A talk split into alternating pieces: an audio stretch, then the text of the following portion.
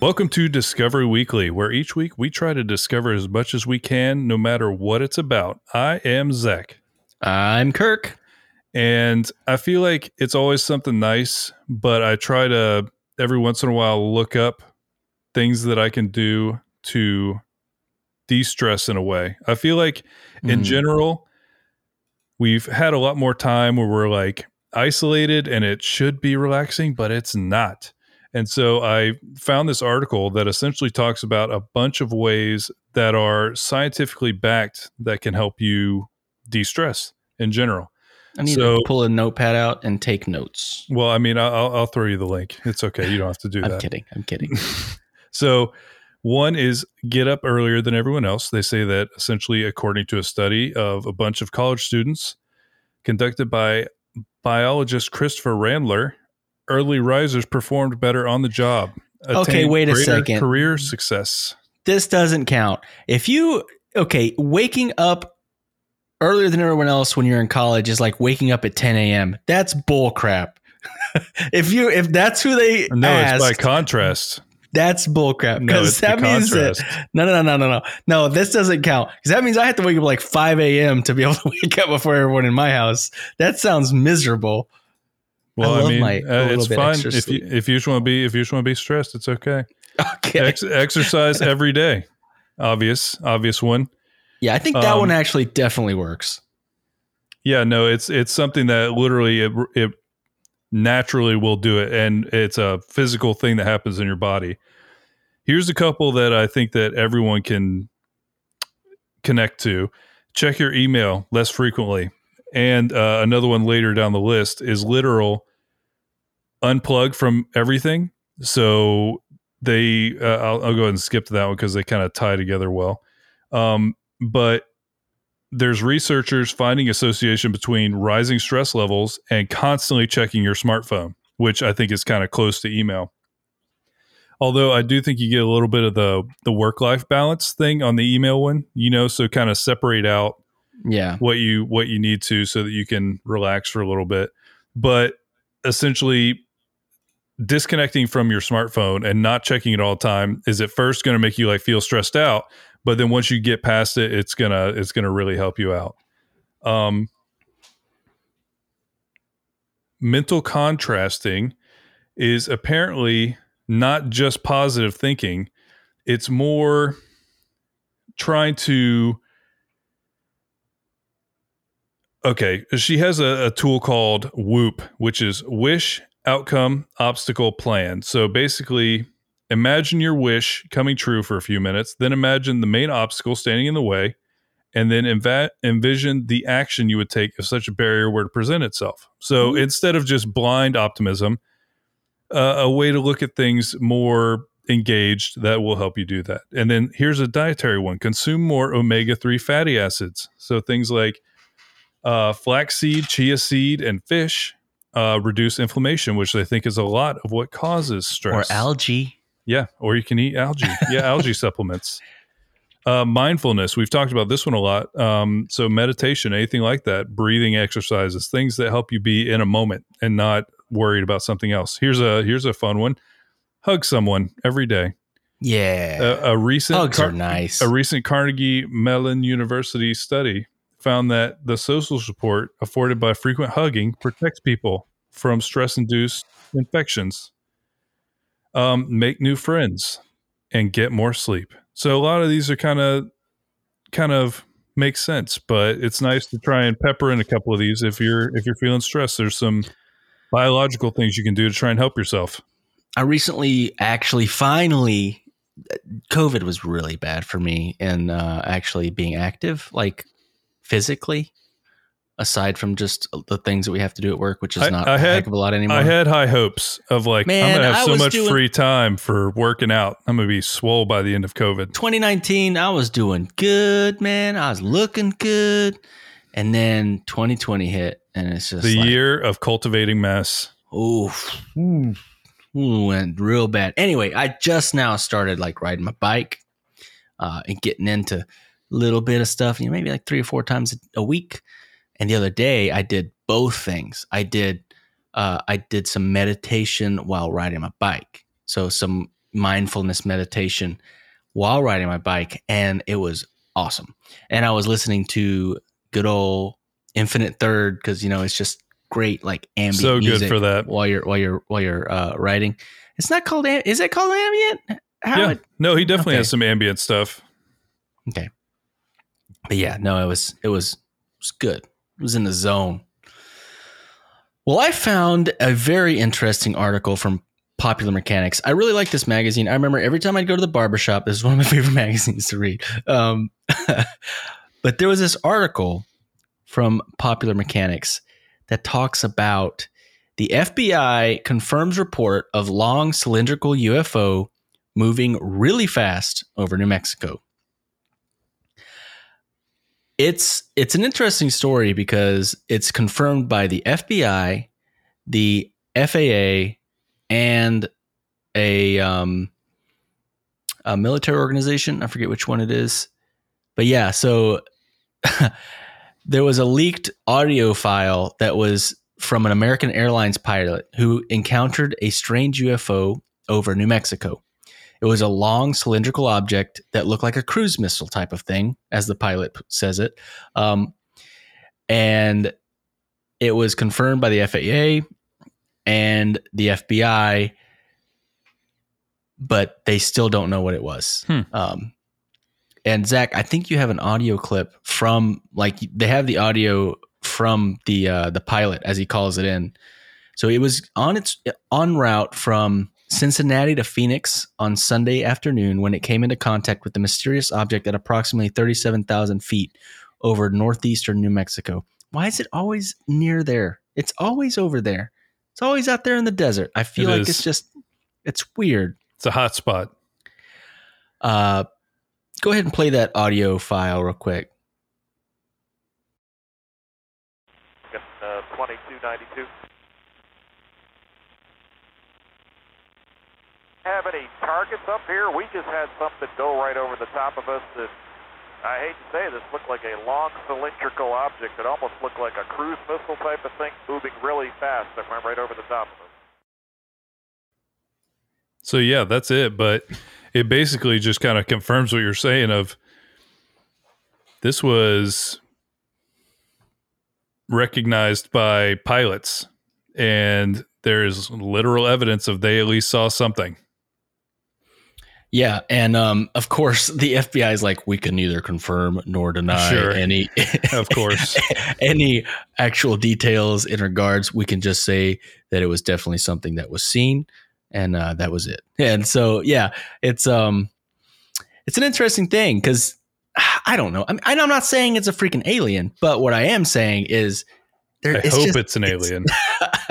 it's just really interesting when there's things that are unknown. I like unknowns and things that are just mysterious and stuff like that. And especially when it's not like from somebody on YouTube that just posts a random thing.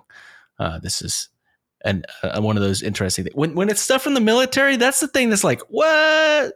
You know, because we've seen other videos and stuff that are recently declassified that are like, I have no idea what that is. yeah. Our our coworker at work the other day, did he show you that video Mhm. From his brother? Yep. So his brother works at a uh, at a farm, and it's not even in the middle of nowhere that bad. But they were out there picking, and there was like probably a hundred people around him, and they just saw this thing in the sky, and he he took a, a small video of it. I mean, it's of course it's just like it, it looks like any other video of a UFO. It's just Terrible, blurry. terrible camera work. Blurry alien ship in the sky. but then apparently just like zooms off really fast, like super fast. And he's like, I have no idea what that was. Honestly, I have no idea what that was. I saw like the pictures in the video and it looks like a UFO. I don't know. I don't know what it was. just weird stuff. Weird stuff. Yeah, I don't know. Well, I read about an entire kind of fad that's happening that I had not at all been aware of. So in Japan, Android pets are starting to become very popular. And this is also tied to COVID, you know, because they had really strict um, quarantine measures in Japan. And so people were working Is it home. like that the nightmare wolf thing that they had in Japan? It's exactly like off- that. Yeah, they all have the nightmare wolf in their house and they pet that it. thing was so scary no, it, was, it would scare me so away. Loud. Yeah, it would scare Oh. me away too. What was it trying to scare off? Bears, like, right? No, when it was like tries to scare bears remember. out of the city or something. I can't It remember. was, it was, it was just that thing was scary. Anyway, when you said uh, android animals, it made me think of that. no, they're thing. they're pets though, because essentially they're all cute. But basically, smart home assistants like Alexa or any of the Google smart home stuff has started to take off. But in Japan, they're getting really, really high demand for things that are more human or more like cute looking. So, um, one person, uh, you mean I've- kawaii? Yes. Um, I felt my circle become very small. Um, and so uh, she was basically saying that like she had been remote completely since April. And so she was feeling like I'm I'm stuck here. Um, but then she got Charlie, a mug-sized robot with a round head, a red nose, and a flashing bow tie who converses with its owner in song. So it- Charlie the red nosed robot. so it's essentially an Alexa, but it just sings to you. So, uh, like one of the things she she asked, to like Charlie, tell me something interesting, and um, it basically sings a song saying, "Well, well, balloons burst when you spray lemon juice," and then he's just kind of like is cute and like is leaning his head around and is like just like around. But I think there's just this really interesting kind of like psychology behind this because people were so lonely that they've started to like anthropomorphize like machines. But not only is that happening, but all of the the companies doing this say that it's a great business move right now because it's all just getting more and more like popular.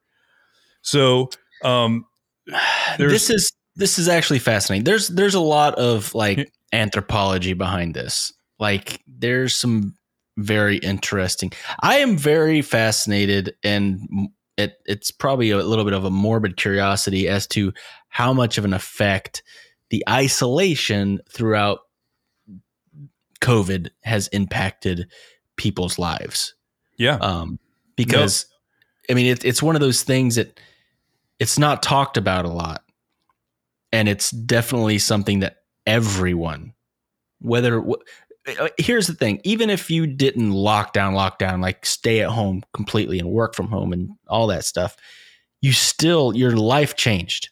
yeah. Like you didn't go out as often. You didn't go to the grocery store as many times. You didn't go out to dinner because they weren't even open for a long time. We're open here, but other places still aren't. It's it, it's changed so many things. yeah, it when it disrupted to- everybody's status quo. Big yeah, I mean, Zach, you were going to shows all the time when with your other podcast right when this was going on, yep. and like it, there's no shows. There's no shows to go to. You can't go Yeah. hang out and watch a show at a bar or anything like that. No, and I definitely felt that. You know what I mean? Because like, yeah, like you said, I was that was like a quite a while where I was going to shows like every weekend and like meeting people and recording, and then it just all stopped. You know, and so Oh, you kind of have I to can- come to terms with it a little bit. I, I think you're on the same page because we went through the same thing.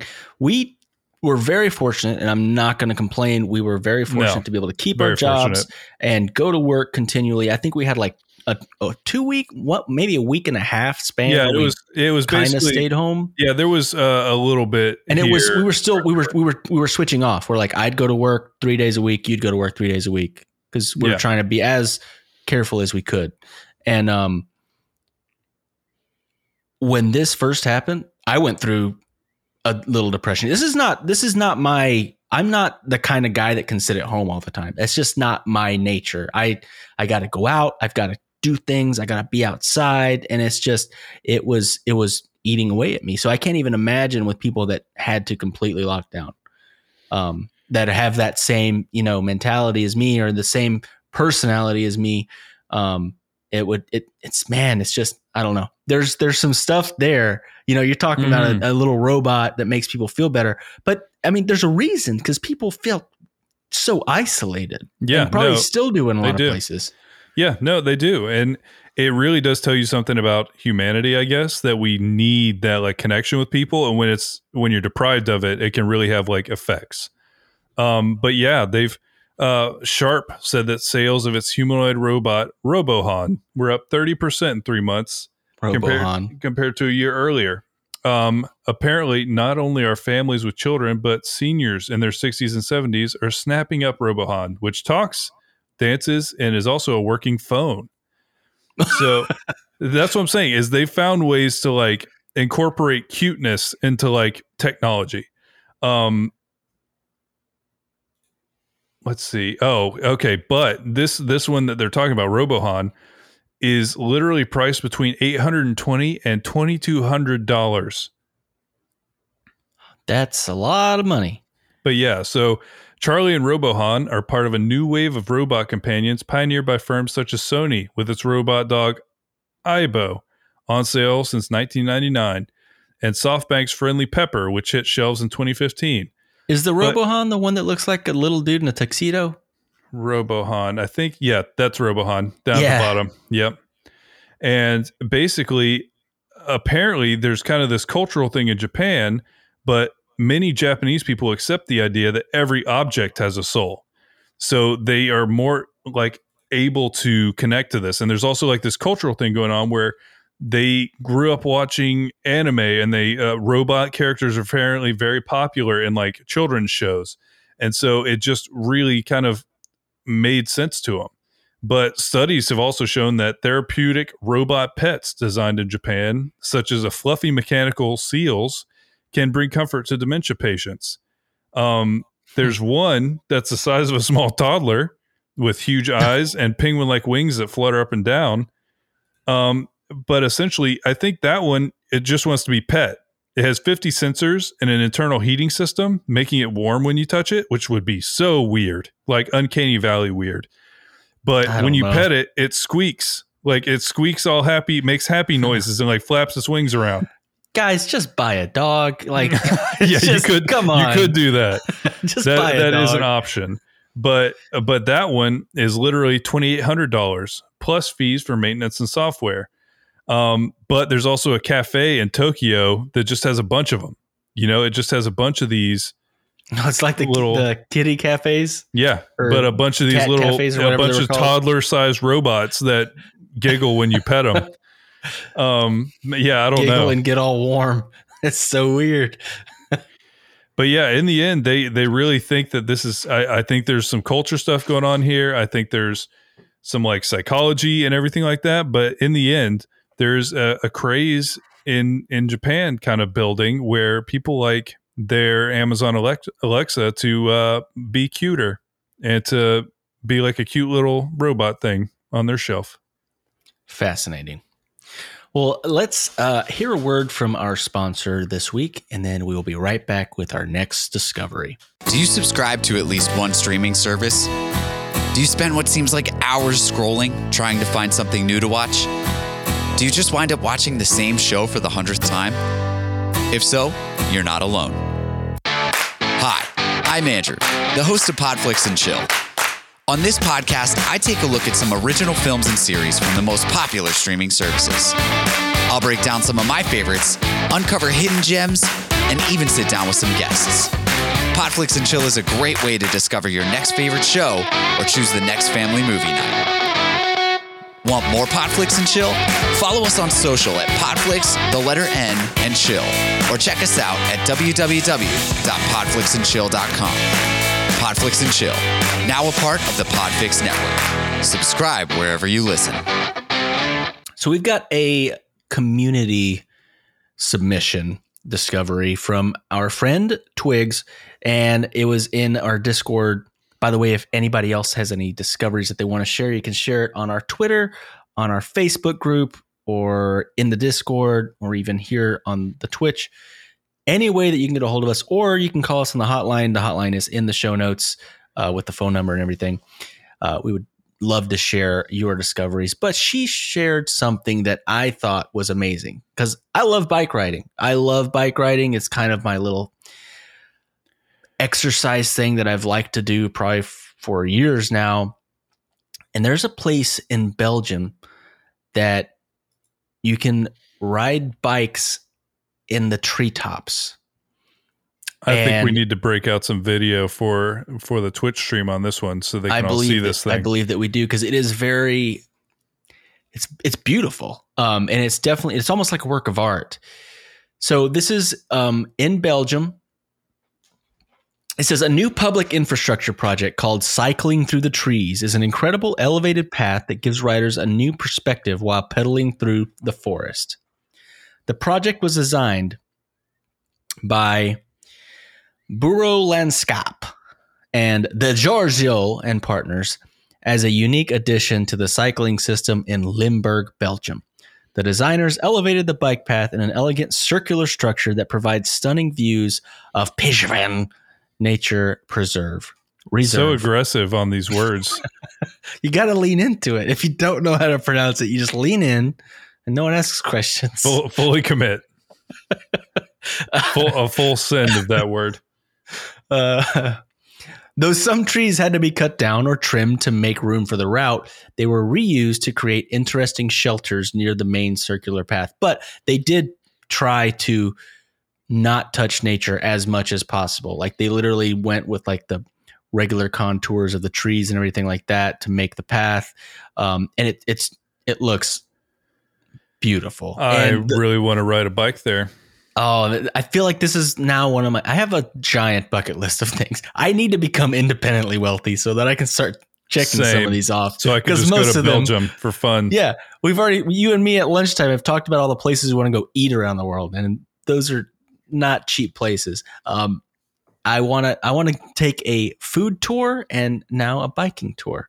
And I also want to watch people do really stupid stuff like the running of the bulls and the the now now I've got one on my list which is the in in in England watching the people chase the cheese down the, that hill. Uh, by the way, uh, a long time ago, Keith, one of our friends from our network, and also another podcaster from the Pop Up Filmcast, he mentioned a Netflix show called We Are the Champions. And it took us a while to actually look into it, but it is amazing. Really They worth a talk watch. about- They talk about so many different comp. I guess it's all I'm competitions, trying to right? think. I'm trying to They're all think what I would recommend to them. Like I like the cheese roll. Honestly, do the dog dancing. That's uh that was one of the most ridiculous things I've ever seen. So there's the Or, cheese or roll, the frog jump. dog dancing, frog jockeying, Yeah, they do call Um, it frog jockeying. the hair one, and that one was. That's the one that I didn't know existed. I The other I, ones I actually knew existed. I just didn't know anything about them. I, didn't know the frog one did at all. I did know that one existed. I'm I'm redneck enough to know that that existed. Um, real quick on the, on finishing this story up, I got completely sidetracked. Though it is definitely a unique project, cycling through the trees is not the only path of its kind. Visit Limburg, the province's tourism organization, also commissioned cycling through the water in 2016 Ooh. as a similar project to boost tourism. We can't wait to see what incredible new cycling structures they will commission next.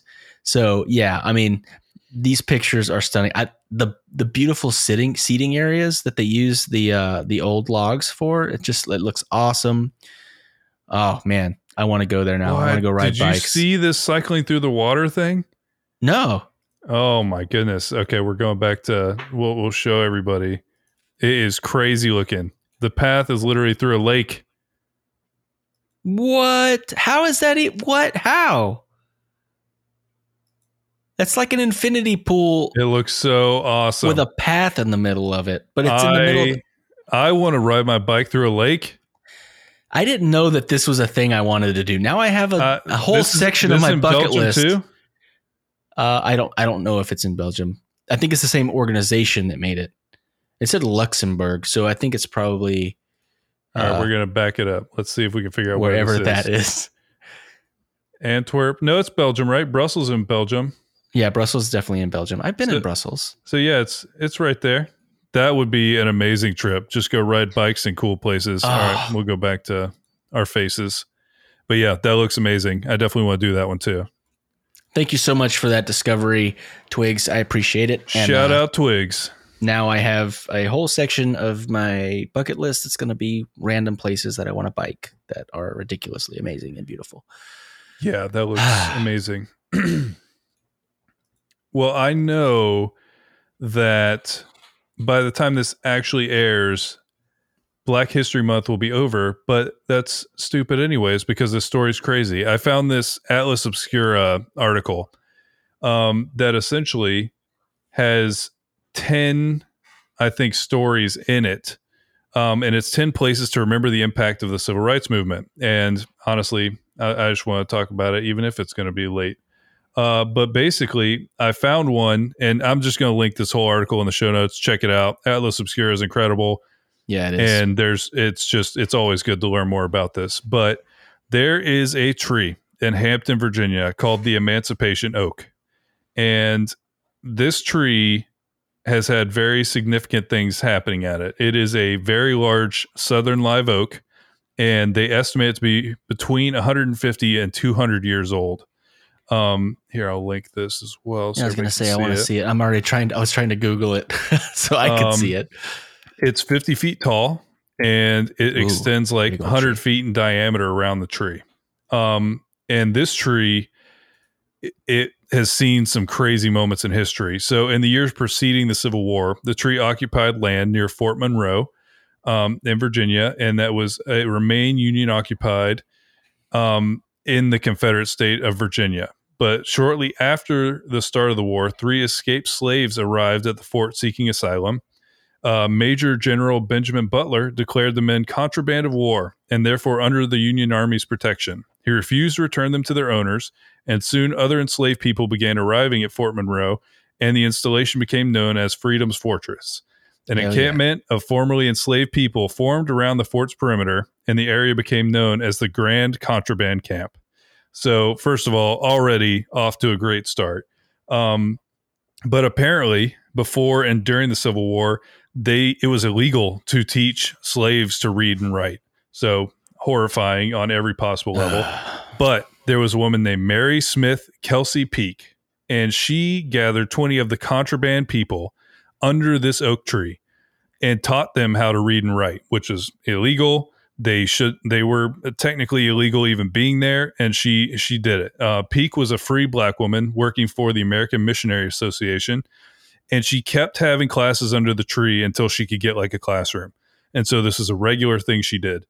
And in 1863, a Union soldier stood under this exact tree and read the Emancipation Proclamation to all of these enslaved and free black people that were around this area. And they think, a lot of people think that this is the first public reading of the document in the southern US. And that's where it got the nickname, the Emancipation Oak. Peake eventually was given a space to have her literacy classes, and she died of tuberculosis. But because of what she did, her legacy continued. And the cottage where she was having her classes became Hampton Normal and Educational Institute. And then it one of the graduates there was literally Booker T. Washington. But now it is known as Hampton University, a historically black college and university that's still there. And at one point, they were trying to expand the interstate around this area, and it would have impacted the Emancipation Oaks like land. It, it could have it could have potentially Mm. been the end of that tree. But a bunch of people protested. They stopped it. Now they have a huge wrought iron fence around the tree, and it's cared for by professional arborists and it was literally named one of the 10 great trees of the world by the National Geographic Society. And it Wow. as a symbol of freedom and equality. that's that's an amazing story. And yeah, no, I I don't know. I love learning about stuff that I should have learned about in yes, school. I feel the same way. And so I saw this, I was Um, like, well, that's an awesome story. And I wish I knew her name before now. I just think it's really important. I think that we need to learn from our past so that we can be better people in our future. And I think that we need to teach our kids that. Dude, uh, somebody that works with us was mentioning how like his cousins didn't know who um they didn't know who Hitler was. They didn't and they're like in middle school, like uh, almost high school age. They didn't know who Hitler was. They didn't know who uh, there was like three other like super important people through history. It's like you have to know these things so that you don't like if you don't know history, you're, we're like doomed to repeat it. Like you don't know what I don't know. It's just there's something very important about knowing history. Sure, it's just old stuff, but that's the you have to learn from other people's past mistakes so that we don't make them in our future. I feel like it's very important. I completely agree. All right, on a completely completely different note, I have a lot of fun facts about M&Ms that I found from a history. Let's go. Wait, article. are you a peanut M&M guy or a normal M&M guy?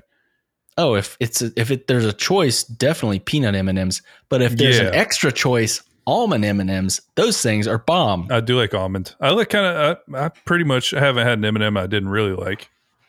Yeah, uh, I'm not crazy about the I don't like the crispy ones because it's the just like crunchy. The pretzel one? Is that the pretzel one? I don't know if I've had a pretzel one. No, there was That- one that they put like you know like the Twix cookie. They put like a little ball of the Twix cookie in the M&M. Mm, yeah, I don't think I like that either. It was meh, Um, bleh. Fact number one: M&Ms were inspired by rations given to soldiers during the Spanish Civil War.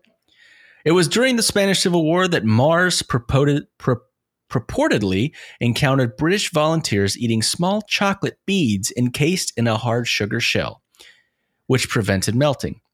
In an age, and this is something that I thought was fascinating, in an age when sales of chocolate typically dropped off during the summer months due to the lack of air conditioning, Mars was thrilled by the prospect of developing a product that would be able to resist melting in high temperatures. Makes sense because it melts in your mouth, not in your hand. Although I- I remember hearing that, and then if you put those things in your hand, just let them sit there. They'll melt. It's gonna, it's gonna, they're gonna melt at least enough to make your hand change. no, colors. but it, it gives you the first option. Put it in your mouth. Don't hold it in your hand. I guess that if, yeah, yeah, you're right. Uh, M and M's used to be made with Hershey's chocolate. Now one of Mars's biggest competitors. Uh, I thought that was fascinating. During the World War, during World War II, M and M's were exclusively sold to the U.S. military. So basically, regular civilians couldn't have them. It was just the military. In March of 1941, Mars was granted a patent for his manufacturing process and produced and production began in Newark, New Jersey. New, wow, I can't speak tonight. New Jersey. Originally sold in cardboard tubes, M&Ms were covered with a brown, red, orange, yellow, green, or violet coating. After the US entered the war, the candies were exclusively sold to the military, enabling the heat-resistant and easy to transport chocolate to be included in American soldiers' rations. And I think they're still like in MREs. Uh, by the time the war was over, the GIs returned home and they were hooked. Fact number four. M&Ms didn't have their signature M stamped on there until the 1950s. Hmm. Fact number five. Between 1976 and 1987, there were no red M&Ms. I thought this one was fascinating because you're like, okay, but why? Uh, because there was before and there are after. In the early 1970s, a bombshell Russian study was released linking FD&C, red number two, then the most widely used commercial food dye in America, to cancer and fetal death. Following more studies, the Food and Drug Administration banned its use in 1976. Although the red food coloring in question was not actually used in M&Ms, Mars removed the color for Like PR so that people stuff. wouldn't. yeah. Yep, exactly. So that people wouldn't be Throw scared. away their red ones. yeah. Following public demand, they reintroduced it in 1987, by which the time red dye number two was proven not to be carcinogenic after all. and number six, and possibly my favorite, because I'm just a nerd, uh, or nerds are different candy. Uh, M&Ms were the first candy to go to space. The same qualities that made M&Ms durable during wartime rations made them perfect for space travel. So on request from the crew aboard NASA's first space shuttle Columbia, M&Ms became the first candy to rocket into space in 1981. The, to commemorate NASA's final space shuttle launch in 2011, Mars even made special edition M&Ms just for the flight, decorated with images of the Atlantis shuttle, the phrase 321 liftoff, and the date of the launch, July 8th, 2011. Seems unnecessary. They're just going to eat the M and M's. Like I don't know what. I don't know. No, that's cool though. I knew that was an old candy. It's cool to hear some of the detail about it. Yeah, I just thought it was uh, fascinating. And the I don't know. There's a lot of little little facts in there, like the the red dye. Like I didn't know that was a thing. No, I kept. I remember hearing about was it red dye number five? Yeah, that's what it. That, that's what it said. Yep. Oh, was it? Oh, I remember. No, hearing- red. No, it's red number two. Sorry. No, I'm trying to remember when two. we were kids. There was a thing like that going around. There was a one of the red dyes was a problem. I can't remember. Oh, Who knows? It was probably made up anyways. Probably. Thank you so much for listening to this week's episode of Discovery Weekly.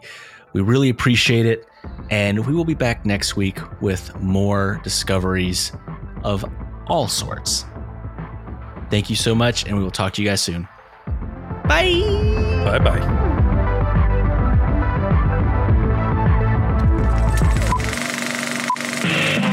This was a podcast from the Podfix Network. check out more shows like it at oddfixnetwork.com.